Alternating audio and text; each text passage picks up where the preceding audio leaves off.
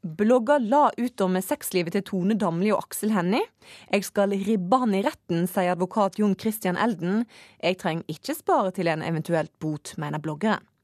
Kristne må stå sammen mot avkristninga av landet, mener redaktør. Det blir ikke i dette livet, svarer homofil prestestudent. Og langrennsekspert mener norsk fotball ikke er toppidrett.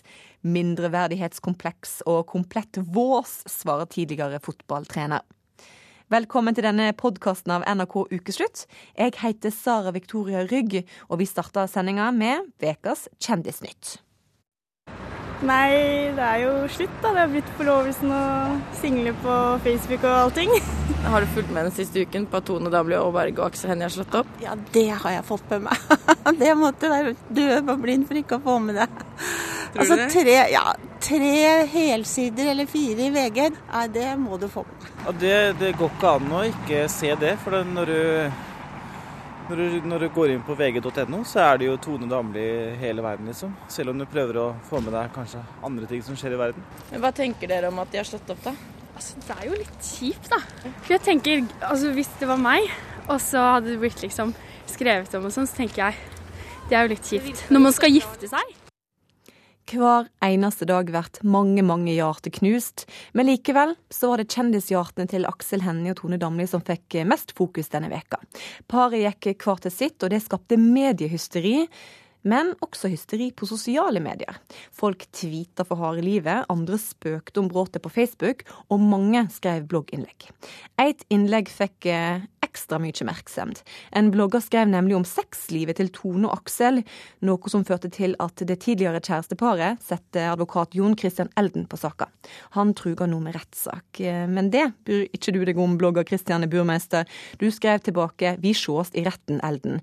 Hvorfor er du villig til å gå rettens vei for å få skrive om kjendiser sitt sexliv? Eh, Jeg er ikke villig til å gå rettens vei for å skrive om, eh, om sexliv til kjendiser. Jeg er villig til å gå rettens vei eh, for å vise at eh, det jeg gjorde, ikke var galt. Jeg har sagt til Elden at eh, jeg ønsker han hjertelig velkommen i retten fordi jeg ønsker å få oppklart em- emnet. Og kan, eventuelt- han mener jo at jeg har gjort en feil, og hvis jeg har gjort en feil, så må jeg stå for den feilen og ta konsekvensene. Du skrev altså svært detaljerte opplysninger om hvem flere navngitte kjendiser har hatt sex med på din blogg. Hvorfor gjorde du det?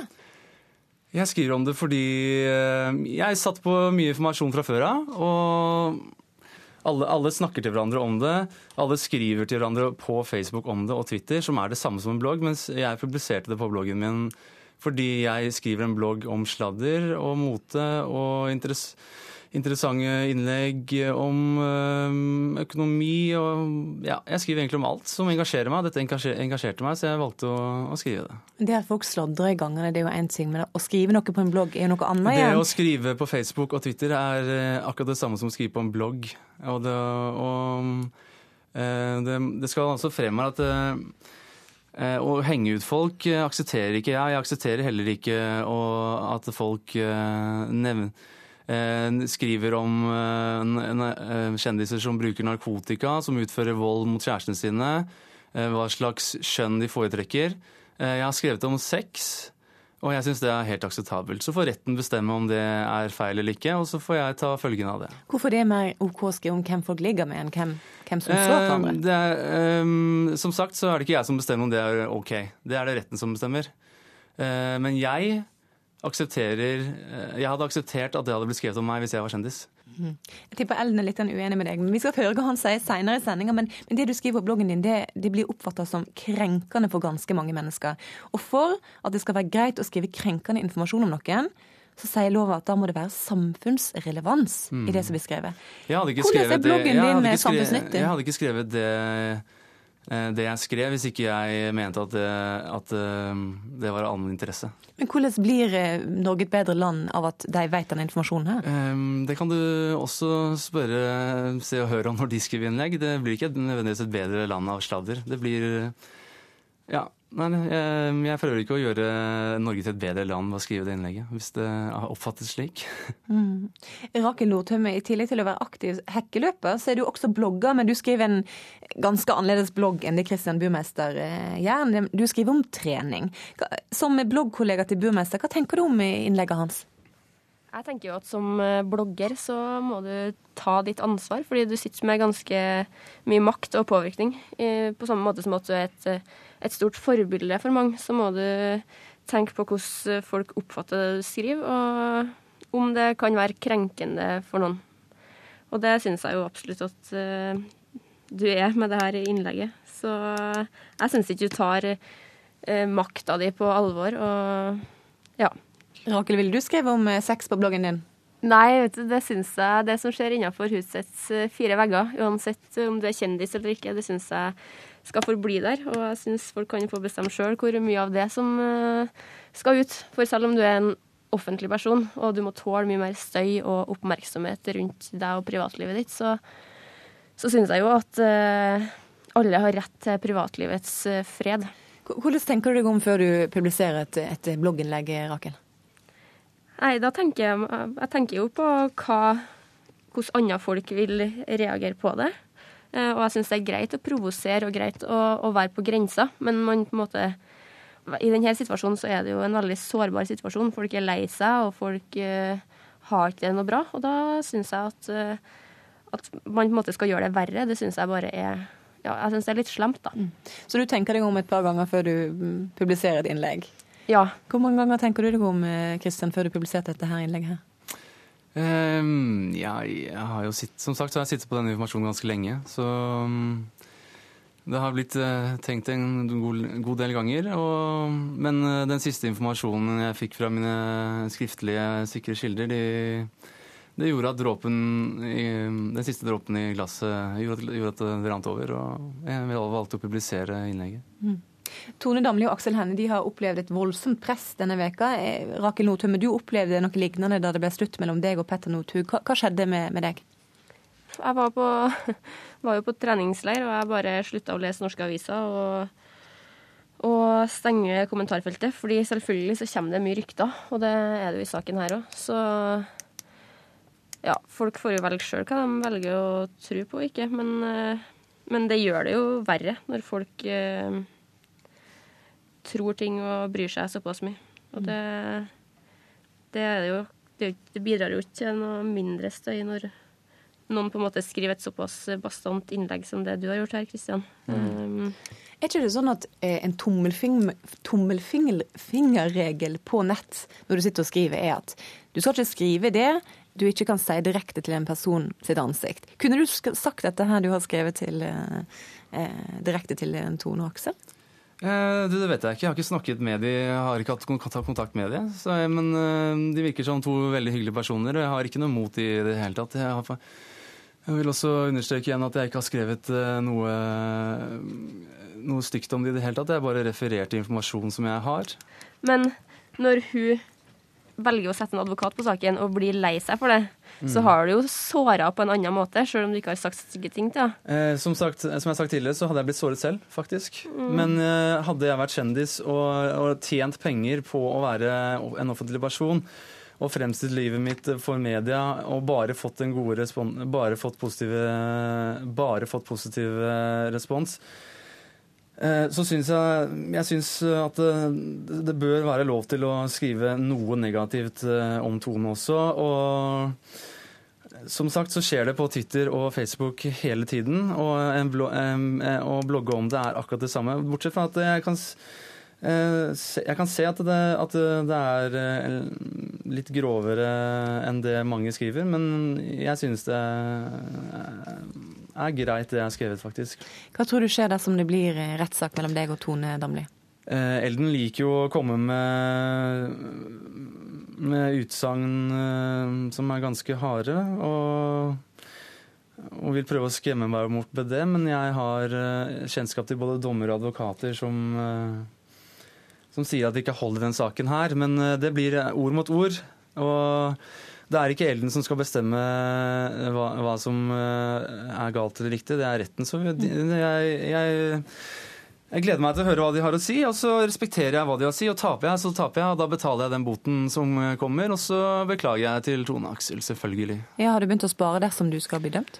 Jeg kan referere til hva Elden har sagt. Han har sagt at det kan bli en bot på 100 000. Eh, Jeg trenger ikke å spare for å ha råd til den boten.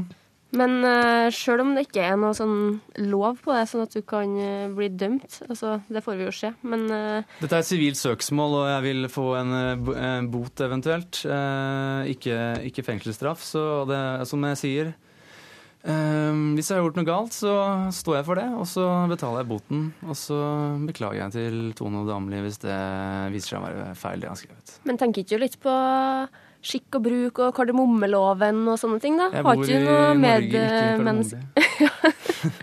Men det er lov til å være snill med andre, vet du. Jeg er snill med andre, som sagt, eh, men jeg eh, For meg så går så jeg, Som jeg har prøvd å, fortelle dere, så, er, så har jeg mine grenser, jeg også. Men jeg, men jeg syns det er akseptabelt å skrive om sex. Jeg syns ikke det er akseptabelt å mobbe.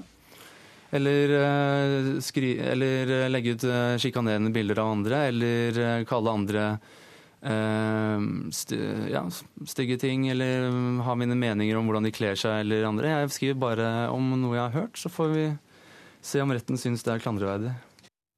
Takk til deg, Kristian Burmeister og Rakel Nordtønne. Og velkommen, advokat eh, Jon Christian Elden. Det er du som har stevner, eh, Kristian Burmeister, på vegne av din klient Tone Damli. Hvorfor gjør dere det? Vi gjør det fordi at det må settes en grense i forhold til privatlivets eh, fred. eh, Hva man kan akseptere i det offentlige rom. Eh, Det han gjør, er jo å misbruke ytringsfriheten og sette den i eh, fare. Ytringsfriheten er et fremkjempet gode, eh, som skal være fordi at man skulle komme med kritiske bemerkninger osv. Ikke fordi at man skal legitimere sjikane eller mobbing. All mobbing er ikke beskyttet av ytringsfrihet. Eh, Et eksempel jeg har hørt hva han hadde å si i sted, eh, men det er jo klar rettspraksis. eh, F.eks. på eh, et med samlivsbrudd, hvor en forsmådd part har gått ut og hengt opp oppslag bare på lokale lyktestolper som en tre-fire personer eh, ser, om årsaken til dette og påstander mot sin forhenværende, eh, og vedkommende blir dømt. Eh, Slik at eh, det er ikke noe mer anledning til det om man har en Twitter eller Facebook eller eh, for den saks skyld en eh, blogg. Hva er det dere håper å oppnå med en eventuell rettssak? Eh, Å sette en stanse for dette, ikke bare på egne vegne, men på vegne av alle som blir utsatt for denne type sjikane. Det har kanskje primært en preventiv effekt fremover, fordi at han har jo allerede oppnådd sitt formål med å spre disse påstandene omkring henne. Det er en rekke andre personer som er rammet i samme saken. Og hvis noen tror at grensen for god folkeskikk og juss går der som denne burmeister har den til, eller skal ha den til å være, så får vi et alvorlig problem fremover. For han sier jo at jeg mobber ikke. Jeg skriver det jeg eh, mener er OK å skrive, og jeg mener andre burde skrevet her før. Er det et problem at folk definerer hva de mener er OK å skrive på nettet? Ja, Normalt sett så hadde god folkeskikk eh, greid seg, men fordi at noen ikke greier å holde seg til den, så ta, trenger vi også et lovverk. Eh, Og dette lovverket regulerer balansegangen mellom ytringsfrihet og privatlivets fred. Og slik jeg ser det, så er han milevis på feil side av den grensen. Dersom du nå får stoppa denne her bloggen her, så popper jo kanskje bare opp en ny blogg som skriver eh, ugreie saker om, om dine klienter. Hvordan skal en stoppe alle som har lyst til å skrive det de, det de mener? Nå er det ikke slik at man nær sagt sier ikke alt hva du vet, er det noe som heter. Eh, Og heller ikke det du tror. Og hvis du setter sammen rykter, oppfatninger, presenterer det som en sannhet og mener at dette er noe du skal gå ut og si offentlig, hvis det skal være rettesnoren i Norge fremover, så får vi et alvorlig problem. Og det problemet skal vi ikke ha. Eh, Og da er det altså viktig at man reagerer på denne typen overtramp. Mm. Torgeir Waterhouse, som direktør for internett og nye medier i IKT Norge, så har vel du formelen på hvordan en skal stoppe denne her typen skriverier. Hvordan får vi til det? Og det er veldig enkelt. Vi bruker hodet. Det, det er, um, dette er et grotesk utslag av at eh, en person ikke håndterer mulighetsrommet og kraften som ligger i at internett er såpass demokratisert og tilgjengelig for alle som det er. Altså, en måte å se det på er at, at internett er summen av, eh, av opplysningstiden av Gutenberg på steroider. Er, altså det, det er en kraft der som er utrolig sterk og stor. Og den hviler et stort ansvar, eller føler et stort ansvar av å ha tilgang på, og det ansvaret har ikke vært fulgt opp her. I mitt hode er svaret veldig enkelt. Vi trenger forståelse for hva som foregår. Vi trenger å bruke hodet når vi skriver noe eller sier noe. Og dette er en veldig, veldig god illustrasjon på at det står altfor dårlig til med den digitale kompetansen i Norge. Har fremdeles folk som går gjennom hele utdanningsløpet fra barnehage til universitet og høyskole, og som ikke har fjerneste idé om hvordan internett funker, hvordan informasjon sprer seg. Og Så lenge det verktøyet og den delen av samfunnet er så tilgjengelig for alle som det er, så må også kompetansen om det være tilgjengelig. Alternativet, som vi alltid hører noen rope etter, det heter Kina. Vi skal ikke flytte Kinas eh, internettpolitikk til Norge. Så, så der, etter det det ligger i hodet på hver enkelt. Altså Vi må ta ansvar for det vi sier og gjør, og så må vi tenke før vi publiserer sånne ting som er satt her. For dette her er jo et stort problem. Det er ikke bare Elden sine klienter som opplever dette her. Det er veldig mange som blir utsatt for, for netthets. Hva, hva, tenker du om de som ikke har eh, råd eh, til å ansette en Elden eller en annen advokat til å, til å hjelpe deg i en sånn situasjon? Det er en kjempeutfordring. og For noen så er det alt fra liksom ubehagelig og ubeleilig der og da, og for andre så får det veldig store konsekvenser. Nå og da så hører vi dessverre om saker som ender på at folk må flytte og skifte navn osv. Så, jeg tror kjernen her handler om det som forstått også Jon Christian Elden var inne på. Om å tenke gjennom hva man driver med, hva man gjør. Ehm, og ikke misbruke ytringsfriheten. For det er nok av folk der ute som ønsker å innskrenke ytringsfriheten og dytte sånne saker som det her foran seg. Og det er ikke et alternativ. Det er jo et eh, kjempeproblem at mange ikke tør å ta dette videre, eller har mulighet til å ta dette videre. Og vi har også sett i denne saken at det som noen kaller den Streisand-effekten, eh, altså at man protesterer og tar opp en problemstilling, så er det flere som blir opptatt av den. Eh, og hvis eh, man skal greie å leve på slike trusler og si at ja, ja, hvis du går mot meg fordi jeg har brutt loven, så kommer jeg til å sørge for at flere får vite om det, da har man jo også et problem. Da prøver man å skyve et problem under teppet. Så jeg er veldig glad for at Tone Aaberge og de andre har tatt denne saken, og at man ønsker å føre den inn i rettssystemet, på tross av at man selv kommer til å få belastninger med det. Hvordan kan det hjelpe andre, tenker du? Det kan hjelpe andre at det blir satt en klar grense. Eh, både i forhold til hva man får lov til å gjøre, men ikke minst også at man gjør som amerikanerne, bruker erstatningsretten i denne sammenhengen. De har jo også en meget sterk ytringsfrihet, men de har veldig sterke økonomiske sanksjoner for å hindre denne type overgrep som man står overfor i vår sak, slik at andre ikke skal være fristet til å gjøre det samme. Eh, og det trengs, fordi at dette er altså ikke en sak for Tone alene. Dette er en sak for alle som blir sjikanert og uttenkt på samme måten. Mm. Eh, vi hørte her at bloggeren sa tidligere at han var ikke redd for å eventuelt få en bot. Den skulle han betale, betale uten engang å ha, ha, spart til den. Eh, du truer med, med, Du sier at bota kan bli høy. Og du svarte på spørsmål på Twitter. Det var flere som lurte på hva er det juridiske i denne saka her. Og det var en som spurte har du planer om å servere lettstekt blogger, og da svarte du da svarte jeg ribbet tilbake. Det var vel et spørsmål i en diskusjon der hvor eh, han i forkant hadde en oppfatning hvor han mente det viktigste med denne saken var eh, advokat Eldens hårsveis. Så mm. vel, det er mye interessant diskusjon ute og går. Og Hvordan ser du for deg at et utfall av en eventuelt rettssak blir?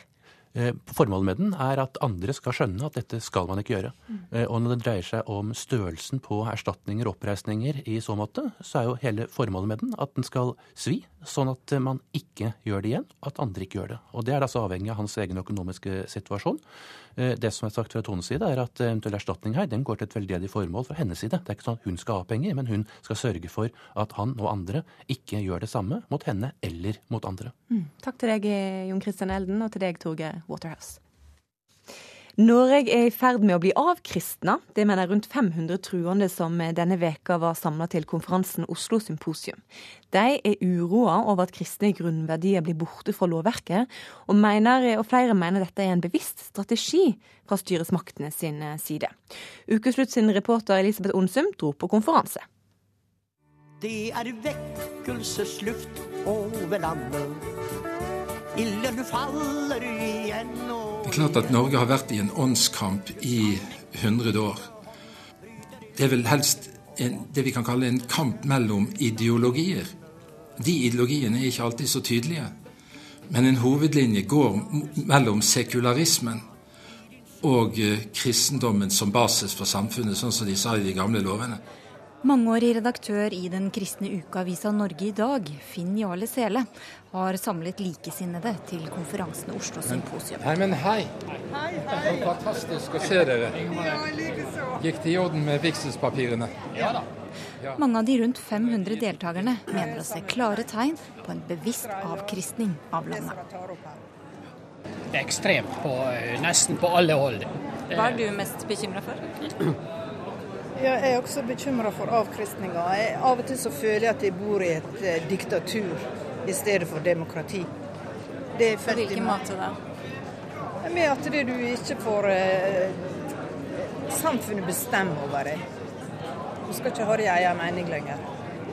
Myndighetene skviser bevisst kristne verdier ut av lovverket, mener Sele.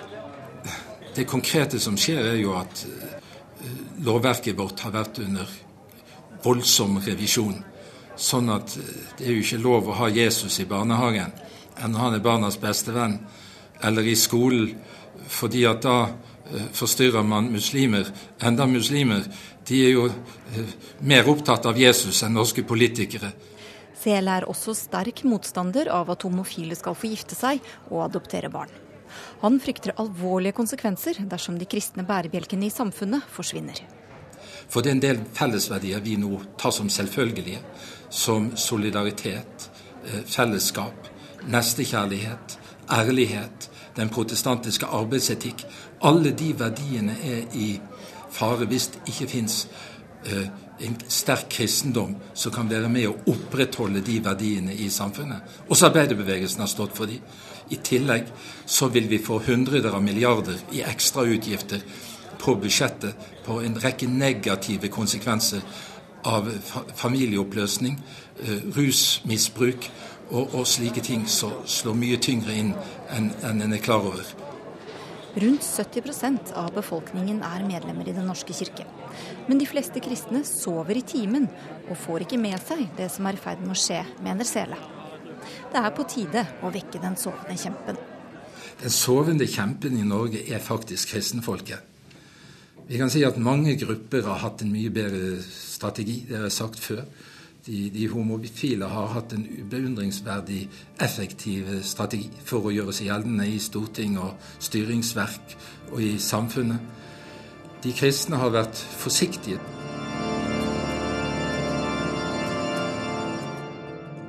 Her foreligger det noe som ligner veldig på konspiratorisk og, og spekulative holdninger overfor både kristne og overfor for samfunnet og myndighetene, som jeg mener har ingen stand hjemme. Geir Viknes er prestestudent ved Teologisk fakultet i Oslo og homofil. Ser du på deg selv som en del av denne sovende kjempen? Trenger du å vekkes? Jeg trenger ikke å vekkes, og jeg er ingen sovende kjempe. Og den retorikken mener jeg er spekulativ også, fordi den, den henspeiler på at folk ikke klarer å tenke sjøl. Parallelt med Oslo Symposium er han og noen kolleger samlet noen mil utenfor Oslo. Og her er det lov å ta seg et glass vin til maten. Ja, det hører med når vi koser oss omkring bordet. Og for deg som ønsker å drikke vin, så er det ingenting i veien for det. Heller ikke kollega Petter Skippervold føler seg som en del av den sovende kjempen. Nei, vi er våkne. Vi er våkne. Våken kjempe. Folkene på Oslo Symposium kan senke skuldrene, mener han. Er det én ting som kjennetegner den kristne religion, så er det jo at den overlever endringer. Det er en meget robust religion. Den overlever, og den har overlevd i flere tusen år, og det kommer den til å gjøre mest sannsynlig de neste tusen år nå og, Så den frykten disse representerer, er egentlig ikke noe sånn Det er ikke noe frykt, tror jeg, på, på religionens vegne, men det er kanskje noen religiøse privilegier som de mister. Men i Oslo sentrum ruster de til kamp. Jeg vet at Gud har ikke fjerna seg fra Norge. Utan han er på vei inn i Norge, og han er på vei inn i både Sverige og Europa og utover i verden. Og han har en plan, ja. En god plan for menneskeheten. Har, har du meldt deg inn? Her er prinsipprogrammet. Magnar Hellesøy fra det nystiftede partiet De kristne ruver ca. ett hode høyere enn de rundt ham på Oslo Kongressenter. Du ligner litt på Jesus, sånn i utseendet? Tenkte på det, ja. Har du sett han? Jeg har sett han på bildet. Ja. Han er ordinert prest, men vil gjerne bytte ut prekestol med talerstol på Stortinget. Jeg, føler ikke trygghet ved det regjeringsalternativet som nå snart har fått styrt i åtte år. Jeg føler ikke trygghet ved at de får lov å fortsette. Jeg, jeg føler en helt annen trygghet hvis at vi får et borgerlig flertallsalternativ med de kristne som medlem. Hellesøy og Sele vil gjerne at de kristne skal stå skulder ved skulder i åndskampen om Norge. Men det blir ikke i dette livet, sier Viknes. Min tro tilsier det at en dag står kristne sammen. Eh, Det er ikke på denne sida av livet, men det er livet etter livet. Dette livet her i dag, jeg står ikke sammen med Finn Jarle Seile. Jeg er ikke en del av hans betegnelse av de kristne.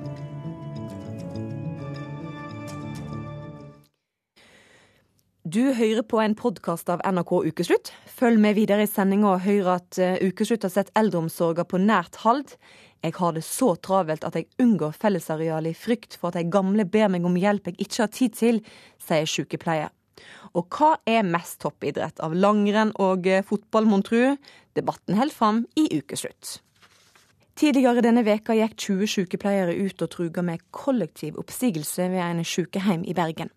De ville ha auka bemanning. Vi har ikke tid til pasientene, ofte må vi la dem ligge så de ikke kommer seg opp til frokost, sier en sykepleier ved sykehjemmet. Reporter Ida Tune Øretsland fulgte en sykepleier gjennom en arbeidsdag for å se eldreomsorgen på nært hold. Da tar jeg 416, 418. Jeg tar 424. Og så kan jeg gå inn på 426, så om det blir før frokost Jeg går inn før frokost, men om hun kommer opp før frokost, det vet jeg ikke. Sykepleier Lise Mikkelsen og hjelpepleier Linda Valle fordeler pasientene mellom seg. På Fyllingsdalen sykehjem i Bergen er det om å gjøre at ingen spiser frokost på senga. Da tar jeg han andre på 25. Han må komme opp til frokost. Hvis Lise og Linda ikke klarer å få de åtte rehabiliteringspasientene opp til frokost, rekker ikke de treningen sin, og det er treningen som gjør at de skal bli bedre, slik at de igjen kan klare seg selv. Ja, har du sovet godt, da? Ja. Husker du hva jeg sa til deg i går, hvordan du skulle reise deg? Det er lett å glemme i løpet av natten. Ja, det er det. Men jeg skal satse på det og ikke, og ikke glemme det. Einar prøver å reise seg fra senga. Ved siden av står Lise i lyseblå sykepleierskjorte. Aller helst burde hun tilrettelegge slik at Einar kan vaske seg og kle på seg selv. Det er jo derfor han er her. Men skal hun rekke å få opp alle de andre, må hun hjelpe til litt. Jeg lærte å bli praktiker med, med årene. Etter 20 minutter går Lise til neste pasient.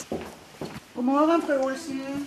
Stakkar, de, de, de, de løper seg i hjel, rett og slett. Så det, jeg må jo vente litt, men jeg har jo tid. Jeg ville ikke hatt denne jobben. Jeg har stått i forretning i hele mitt liv, og det er mye gøyere. enn- Men de gjør en kjempejobb. Sånn, da får vi begynne å lage frokost. Klokka nå er kvart på ni. Ja. Dere rakk å få alle opp før frokost. ja, vi klarte det i dag òg. Er det av og til at dere ikke rekker det? Ja. Vi er ikke nok personale til å få de opp. Hvor ofte skjer det, da? Altså, vi strekker jo oss utrolig langt, altså, men eh, det skjer i hvert fall en gang i uken. Fyllingsdalen sykehjem kan tilby god og ofte hjemmelaget mat. Eget rom og flunkende nye lokaler med utsikt. Det er mye som er spesielt bra. Likevel har flere av sykepleierne her vært med på å levere inn en masseoppsigelse i protest mot at det er for få på jobb. Vi er veldig mye på andre ting enn pasientene, så vi har mistet fokus. Pasientene er på en måte litt sånn tilsidesatt. Det er liksom kjapp, kjapp. Hva må dere si hvis en pasient ber om å få gå litt med dere, da? Nei, vi prøver jo så sant vi kan å, å gjøre det. Jo, men det, vi er ikke på tilbudssiden lenger. Nei, Vi vi var på tilbudssiden. sant? Altså, Den bør gå, den må gå, og alt dette. Så eh, av og til så har du mye å gjøre. Så hold, vi holder oss litt unna stuen i tilfelle de spør om noe. Det er helt forferdelig blitt. Jeg tenkte uansett hvor du spør den i helsevesenet og skolevesenet også, for den saks skyld, så eh, vil jo alle at vi skal være mer. Hedvig Taugl er leder ved rehabiliteringsavdelingen.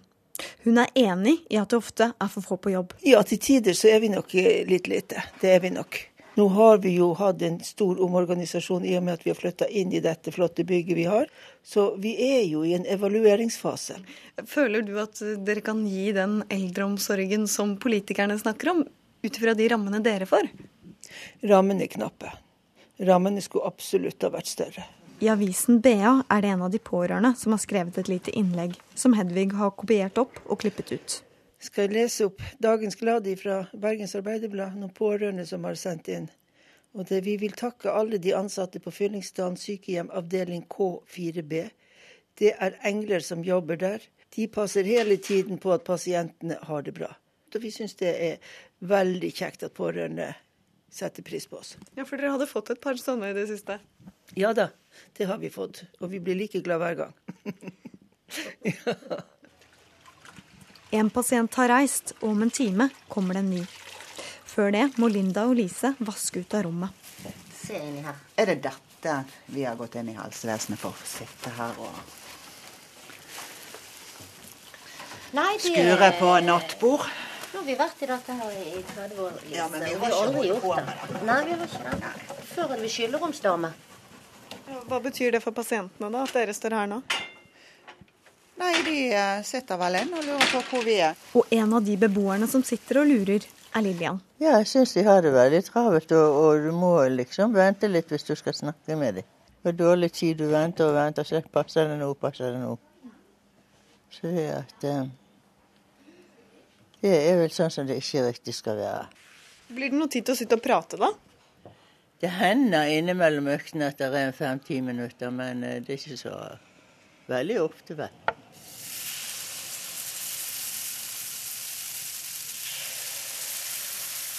Hva gjør du nå, da? Nå steker vi vafler til lunsj. Så vi er litt forsinket, så nå er de nesten kommet til bordet, alle disse her eh, beboerne våre. Så nå er de sultne. Kjenner lukten. Vaffellukten som sprer seg i avdelingen. Vi har masse igjen å gjøre. Ja. Så nå pasientene vafler, spiser, så må vi rydde etter de, vaske opp. Og så må vi inn og ordne til til de nye pasientene og skrive det vi har vært på møte om i dag. Og Ligger de som vil. legge de som skal ha seg en formiddagslur. Hadde det vært politikere, så hadde de kjempet på, på, på folket, på, særlig når en sånn situasjon som det her. Beboeren Einar mener det er politikerne som ødelegger for pleierne og pasientene på sykehjemmet. Og, og underbemanning her, vet du, de løper jo som eh, hjort. Det er ikke riktig. Hva, hva skulle du ønske at politikerne gjorde, da? Det ligger bedre til rette til verden for dem. Det er jo ikke noe vanskelig. Bemanningen, eksempel. Det må de jo bare øke opp. Jeg syns de gjør en fabelaktig jobb. Og politikerne skulle kvittet oss med. Vakta er snart slutt, og Lise går en runde for å gi pasientene medisiner. Du da, hva tenker du om din fremtid her? Eh, jeg har sagt opp. Søkt meg ny jobb, fått meg ny jobb. Så jeg holder på med oppsigelsestiden. Ja. Det var ikke sånn jeg hadde tenkt at Altså, det var ikke sånn sykepleier jeg hadde tenkt å bli, altså. Jeg syns jeg driver mer altså kantine, kjøkken, renhold enn eh, å være med pasienten. Men Tror du det her er spesielt for Fyllingsdalen sykehjem? Nei, jeg tror eh, dette er eh, på alle sykehjem. Ukeslutt spurte ansvarlig byråd i Bergen, Hilde Onarheim fra Høyre, hva hun tenker om at sykepleiere bruker tida si på å vaske og stå på kjøkkenet. Nei, Det er jo ikke slik, slik det skal være. Eh, det er slik at sykepleierne absolutt skal gjøre sykepleieoppgaver. Eh, og eh, det er på Fyllingsdalen sykehjem som på de aller fleste av våre sykehjem ansatt rengjøringspersonell til vask av både pasientrom og til fellesrom. Er det mange nok som jobber på sykehjemmene til å gi de som bor der et godt nok tilbud? Eh, Man skulle jo alltid ønsket seg eh, å ha mye flere ressurser. Eh, Det er nok slik at på sykehjemmene våre så er det vel eh, akkurat så det går. Eh, Det er slik at eh, den, den planlagte bemanningen eh, skal være eh, forsvarlig. Den siste tida har det vært krangla en god del om hva som er mest toppidrett av fotball og langrenn. Reporter i Ukeslutt Aksel Wilhelm Due har sett sammen et lite knippe meninger. Jeg tror det hadde vært ganske lett å komme til tippeligaen eh, i fotball, så det tror jeg jeg skulle kunne klart. Jeg tror eh, et par-tre år med litt fotballsatsing, så tror jeg jeg skulle klart det. Kan De huske første gang de spilte fotball? Johansen? Mange som velger langrenn for at de blir dritleie av at lagkompisene ikke gidder å trene like mye som de har lyst til å gjøre. Skal vi si noe om treningen og sånn? Driver du noe intens trening metodisk? Du har om å gjøre å få skia først i mål. Ja vel. Så Leif Lathans Ludvigsen han pleide bare å kjenne skia sine i forveien. Lykke til! passer jo på å trene litt. Men jeg har jo forholdsvis så hardt arbeid, så jeg får det meste av treninga mi gjennom arbeid. Hvordan har de lagt an treningen foran en fotballsesong? Hvis en fotballspiller eh, fortsetter å trene like mye som en gjør i fotball og tror han skal bli god lang langrennsløper, da kan han glemme å fullføre Marcialonga. Det viktigste er å, å holde seg ved like med gymnastikk. De fleste norske fotballspillere er ikke toppidrettsutøvere. Det sa altså TV 2 sin langrennsekspert Sveine Tore Samdal tidligere denne veka. Og langrennsløper Finn Hågen Krogh han sa at han kunne bli tippeligaspiller innen tre år. Det høres jo veldig enkelt ut, tidligere fotballtrener og pressesjef for herrelandslaget Otto Ulseth. Er norsk fotball toppidrett? Jeg er mest forundra over at Svein Tore Samdal og andre presumptivt kloke mennesker stadig gidder å ta opp den debatten her. Jeg syns det er rart de ikke er tryggere i langrennsmiljøet enn at, at de må komme med den debatten her stadig vekk. Altså, Prestasjoner over en bred skala er skapt av fra så mange slags miljø, og det er mange store forfattere og musikere som ikke akkurat har levd et toppidrettsliv. Og noen av tidenes største fotballspillere har kanskje heller ikke i alt og ett gjort det, og det bør de kanskje ikke gjøre heller. Men Hvorfor tror du langrennsfolket eh, har behov for å sette norsk fotball eh, på plass? Ja, ja det, det, virker å være liksom litt utgangspunktet. Men det, det, er vel litt sånn at the winner takes it all i alle sammenhenger. Det er jo fotball. Det er mest fotball i avisa, det er mest fotball på TV. og Mesteparten av pengene går til fotball og sånt. og det er liksom til syvende og sist det eneste alle de andre har å være felles om, at de i hvert fall kan samle seg på å prøve å være mot fotball. Um, det vil jeg anbefale dem å slutte med. For f.eks. langrenn har ingen grunn til det. Langrenn driver jo på svært høyt nivå. Og det er nok litt vanskeligere å bli en god fotballspiller enn Finn Hågen Krogh har fått det for seg. Jeg tror faktisk det er riktig hvis man skal ta dette på alvor, som lagkaptein til Rosenborg, Tore Reginiussen, sa, som også er fra Alta, at hvis han får en to-tre år på seg, så skal han nok være nærmere verdenseliten i langrenn enn Finn Hågen klarer i fotball. Sånn er utgangspunktet. Mm. Kranglinga fortsetter. Svein Tore Samdal har vært invitert til ukeslutt, men han hadde ikke høve til å stille i dag. Det hadde du, forfatter Tor Gotaas. Du har skrevet flere bøker om langrennshistorie. Da du var ung, så spilte du både fotball og du gikk på ski. Hva slags folk er det som blir lang langrennsløpere, og hvem blir fotballspillere? Fra gammelt av var det en viss forskjell, for da var det jo slitere fra de øvre bygder som ble gode langrennsløpere. og Fotballspillere, i hvert fall før krigen og ganske langt ut fram mot 70-tallet, kom fra byer. Gjerne små og større byer. Så det var en slags forskjell der, periferi, periferi og, og, og, byer. Men i dag tror jeg fotballen har blitt mye mer toppidretts... Sånn som vi tenker på som toppidrett. og jeg tror det har skjedd mye de siste 10-20 åra. Det var en lignende diskusjon på 80-tallet med Magna Lundemo, som da mente at fotballspillere trente lite.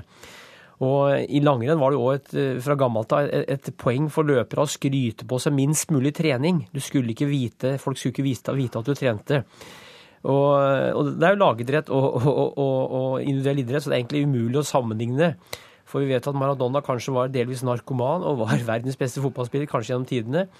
Det kunne aldri skjedd i langrenn, men eh, det er vanskelig å sammenligne. Så, så jeg husker i Brumunddal så eh, spilte jeg fotball, og jeg gikk på ski, og så slutta jeg med fotball. Og jeg ble kalt langrennstryne da, som 17-18-åring, for jeg drakk jo ikke alkohol og var seriøs om vinteren. Men, men eh, det, ja. Mm. Men er det dette her, da? Er det Otto Ulseth, er det det som er liksom poenget her i denne saken? At man, man skal knive litt i idrettene mellom? Jo, men det er, altså, det, det er så pussig at noen i langrennsmiljøet fortsatt har dette behovet, og den statusen langrenn har, den oppmerksomheten langrenn får. Er, jeg er så forundra over at man har noe behov for å sparke noen andre på leggen, og uten å kjenne at man sparker seg, sparker sjøl. Altså, langrenn er en idrett som, som krever atskillig forsakelse. Mens i fotball så er det kanskje et poeng å ikke forsake for mye, fordi f.eks. For fotball stiller større krav i, til sosiale ferdigheter mens idretten utøves. Og varierte tekniske ferdigheter. Så det er liksom sånn så skal du bli god fotballspiller, så må du gjøre det som kreves for å bli god fotballspiller. Og så er det delvis noen andre ting som kreves for å bli en god langrennsløper. Og til dels helt andre ting enn som kreves for å bli en god musiker. Sånn er det. Dette er jo veldig kurant og veldig greit. Og så, Og så er det jo, som Tor Gotaas sier, de har jo opprinnelse i forskjellige miljøer òg, og det, det, preger jo fortsatt kulturene, naturligvis. Mm.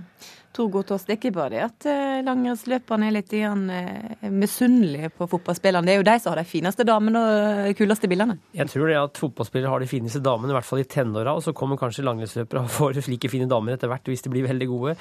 Men, men jeg tror òg det er en, kanskje en litt misunnelse, for, for, i langrenn så mener jo det at du må, du må slite mye for å bli veldig god god. I fotball så kan det være, telle mer å være lur på forskjellige måter i situasjoner. og vi ser at Northug er jo egentlig litt utypisk. Han er veldig typisk for de gamle langrennsløperne. Han er gammeldags hard, som jeg sier, men han er òg lur på en måte som er ny i langrenn, fordi langrennssporten er lagt om litt de siste åra. Så han er kanskje litt sånn lur, sånn som fotballspillere har vært eh, bestandig. Northug han gjør, som Motto sier, det beste det, til, det som må til for å bli best i sin tid. Og han tar aldri opp denne diskusjonen med fotball. Tvert imot, han gjør et stort nummer av at når det er første serierunde på Lerkendal, så er det viktigere for han å være der enn på noe annet som har med langrenn å gjøre. Og så tror jeg kanskje at det har vært en misunnelse fra langrennsleiren at eh, fotballspillere tjener mye penger, for det gjør det ofte, og de kan sitte på benken eh, og tjene millioner. Mens i langrenn så er det veldig veldig få som tjener penger. I Norge er det bare noen få, og det er nesten ingen i utlandet som har noen særlige inntekter over en vanlig inntekt. Så det kan jo være en grunn at de mener at fotballspillere kanskje kommer lett til, lett til inntektene. Men, men, altså, likevel så fortsetter litt igjen denne knivinga. Eh, når legger en denne her saka død og sier vi er likestilte, vi liker mye toppidrett, eh, begge idrettene? Hva tror du, eh, Otto Ylseth? Nei, altså om de er like mye toppidrett, det tror jeg kanskje kan diskuteres. Fordi um, Olympiatoppen, uh, som da er det organet i Norge som uh, har mandat til å definere hva som er toppidrett, vil nok finne flere, høyere skår på flere parametere i et gjennomsnittlig langrennsmiljø enn i et gjennomsnittlig fotballmiljø. Så jeg, jeg, tror jo, i likhet med det Magna Lundemo sa på 80-tallet, har blitt sagt noen gang senere, at, at fotball har i mangt og mye mer å lære av langrenn enn omvendt. Og så går det litt i bølger i fotball òg. Den første Drillo-generasjonen ligna mer på langrennsløpere enn de kanskje har gjort de siste årene sine norske landslag. Og det kan forklare noe av forskjellen i resultat òg. Sånn at, eh, men det går jo litt sånn i bølger i, i langrenn òg, vet du. Mm. Så to godt å sette her, bare fortsette denne diskusjonen her. Jeg tror det, for det kommer jo stadig opp nye yngre langrennsløpere. Og jeg vet at jeg har registrert det her hos særlig yngre langrennsløpere. De som ikke kanskje har så greie på historien. De som føler seg litt eh, tilbake eh, altså det, At de kanskje blir satt litt i skyggen av fotballspillere som du mener er mindre idrettsutøvere. Så det har nok noe med det å gjøre, at det kommer opp nye, nye typer som er litt eh, litt, kanskje litt uh, hissig på å markere seg. Mm. Ja, altså, Svein Tore Samdal har jo hatt uh, litt moro med å dra opp denne debatten med jevne mellomrom. og en gang, dro, en gang, før han dro den opp, så var jeg trener i Tippeligaen i fotball. Og jeg inviterte Svein Tore til å følge oss ei uke på trening. Og jeg tror vel faktisk at han fikk et litt annet og delvis nytt syn på saker og ting. Men han trenger tydeligvis en oppfriskning av den lærdommen, så han får skaffe seg ei uke med et eller annet fotballag til våren. Eh, uten at jeg sier hva jeg mener er mest toppidrett av, av fotball og, og, og, langrenn, så sier jeg at akkurat nå så pågår det heftig toppidrett i Val. De norske jentene er godt i gang med sin siste øvelse, 30 km fellesstart i klassisk. Og før vi går til VM-byen, så skal vi høre hva Petter Northug syns om krangelen mellom langrenn og fotball. Ja, fotball er toppidrett. og Det er helt feil å sammenligne fotball og, og langrenn, for det, er to forskjellige fysiske forutsetninger. Vi vi spiller i, i sjette divisjon, og vi har uh, spillere som har uh, oppimot 80 O2, men vi klarer kanskje 20 minutter på en 90-minutterskamp tidlig på sesongen fordi at vi ikke er vant til å bruke den type muskulatur. Så det, uh, det er to helt forskjellige idretter. så Sammenligning treningsgrunnlag og sånne ting, det blir helt feil. Fotballspillere er fotballspillere, og langrennsløpere er langrennsløpere. Vi skal slutte å sammenligne. I målområdet i Val der står du, reporter Mats Håby. Hvordan går det med Bjørgen og co.? Nei, Det går bra, og det er eh, som vanlig, må man nesten kunne si. Therese Johaug, Justina Kowalczyk fra Polen og Marit Bjørgen som går alene i front. En trio vi er vant til å se prege løp. Og det er jo de igjen, da, de store favorittene det står imellom. Og eh, alle ser egentlig pigge ut. Marit Bjørgen hadde litt problemer eh, nå når hun bytta ski sist, men igjen er de samlet, og det er de tre det kommer til å stå mellom i kampen om gullet. Hvordan er stemninga blant publikum nå når VM går mot slutten? Stemninga er fortsatt like bra som den har vært hele tida, og spesielt da de norske supporterne har vært med på å sette en, en fantastisk ramme rundt dette arrangementet. Det er utrolig mange nordmenn både her på langrennsstadion, i hoppbakken og ikke minst inne i, i sentrum av byen, så, så, det er bra trøkk her. men hadde ikke Norge og Sverige vært med, så kan jeg nok, må jeg nok være så ærlig å si at det ikke hadde vært like gode rammer. Mm. Det har vært mange norske fans med og heia under VM. Hva slags spor har de etterlatt seg? Nei, de har, de, har fall, de har, i hvert fall, eh, gjort at italienerne har fått med seg hvem som er den aller største skinasjonen. og det er litt sånn som Jeg var inne i sentrum av Cavalese, som det heter her, i går, og det første som møtte meg da jeg kom ut av taxien, det var Helbilis Hellbillies. Så det er litt sånn, det har nesten vært som å være hjemme i Norge de gangene vi har vært inne i sentrum her. Så det, de norske har virkelig etterlatt seg spor. Så får vi se om de også kan ta med seg noen eh, flere medaljer før vi drar hjem. Godt å høre. Kos deg, fortsatt kos deg med VM-reporter Mats Håby Valdifjem. Da var denne podkasten av Ukeslutt over. Ansvarlig for sendinga var Aksel Wilhelm Due. Finn Lie styrte teknikken, og jeg heter Sara Victoria Rygg.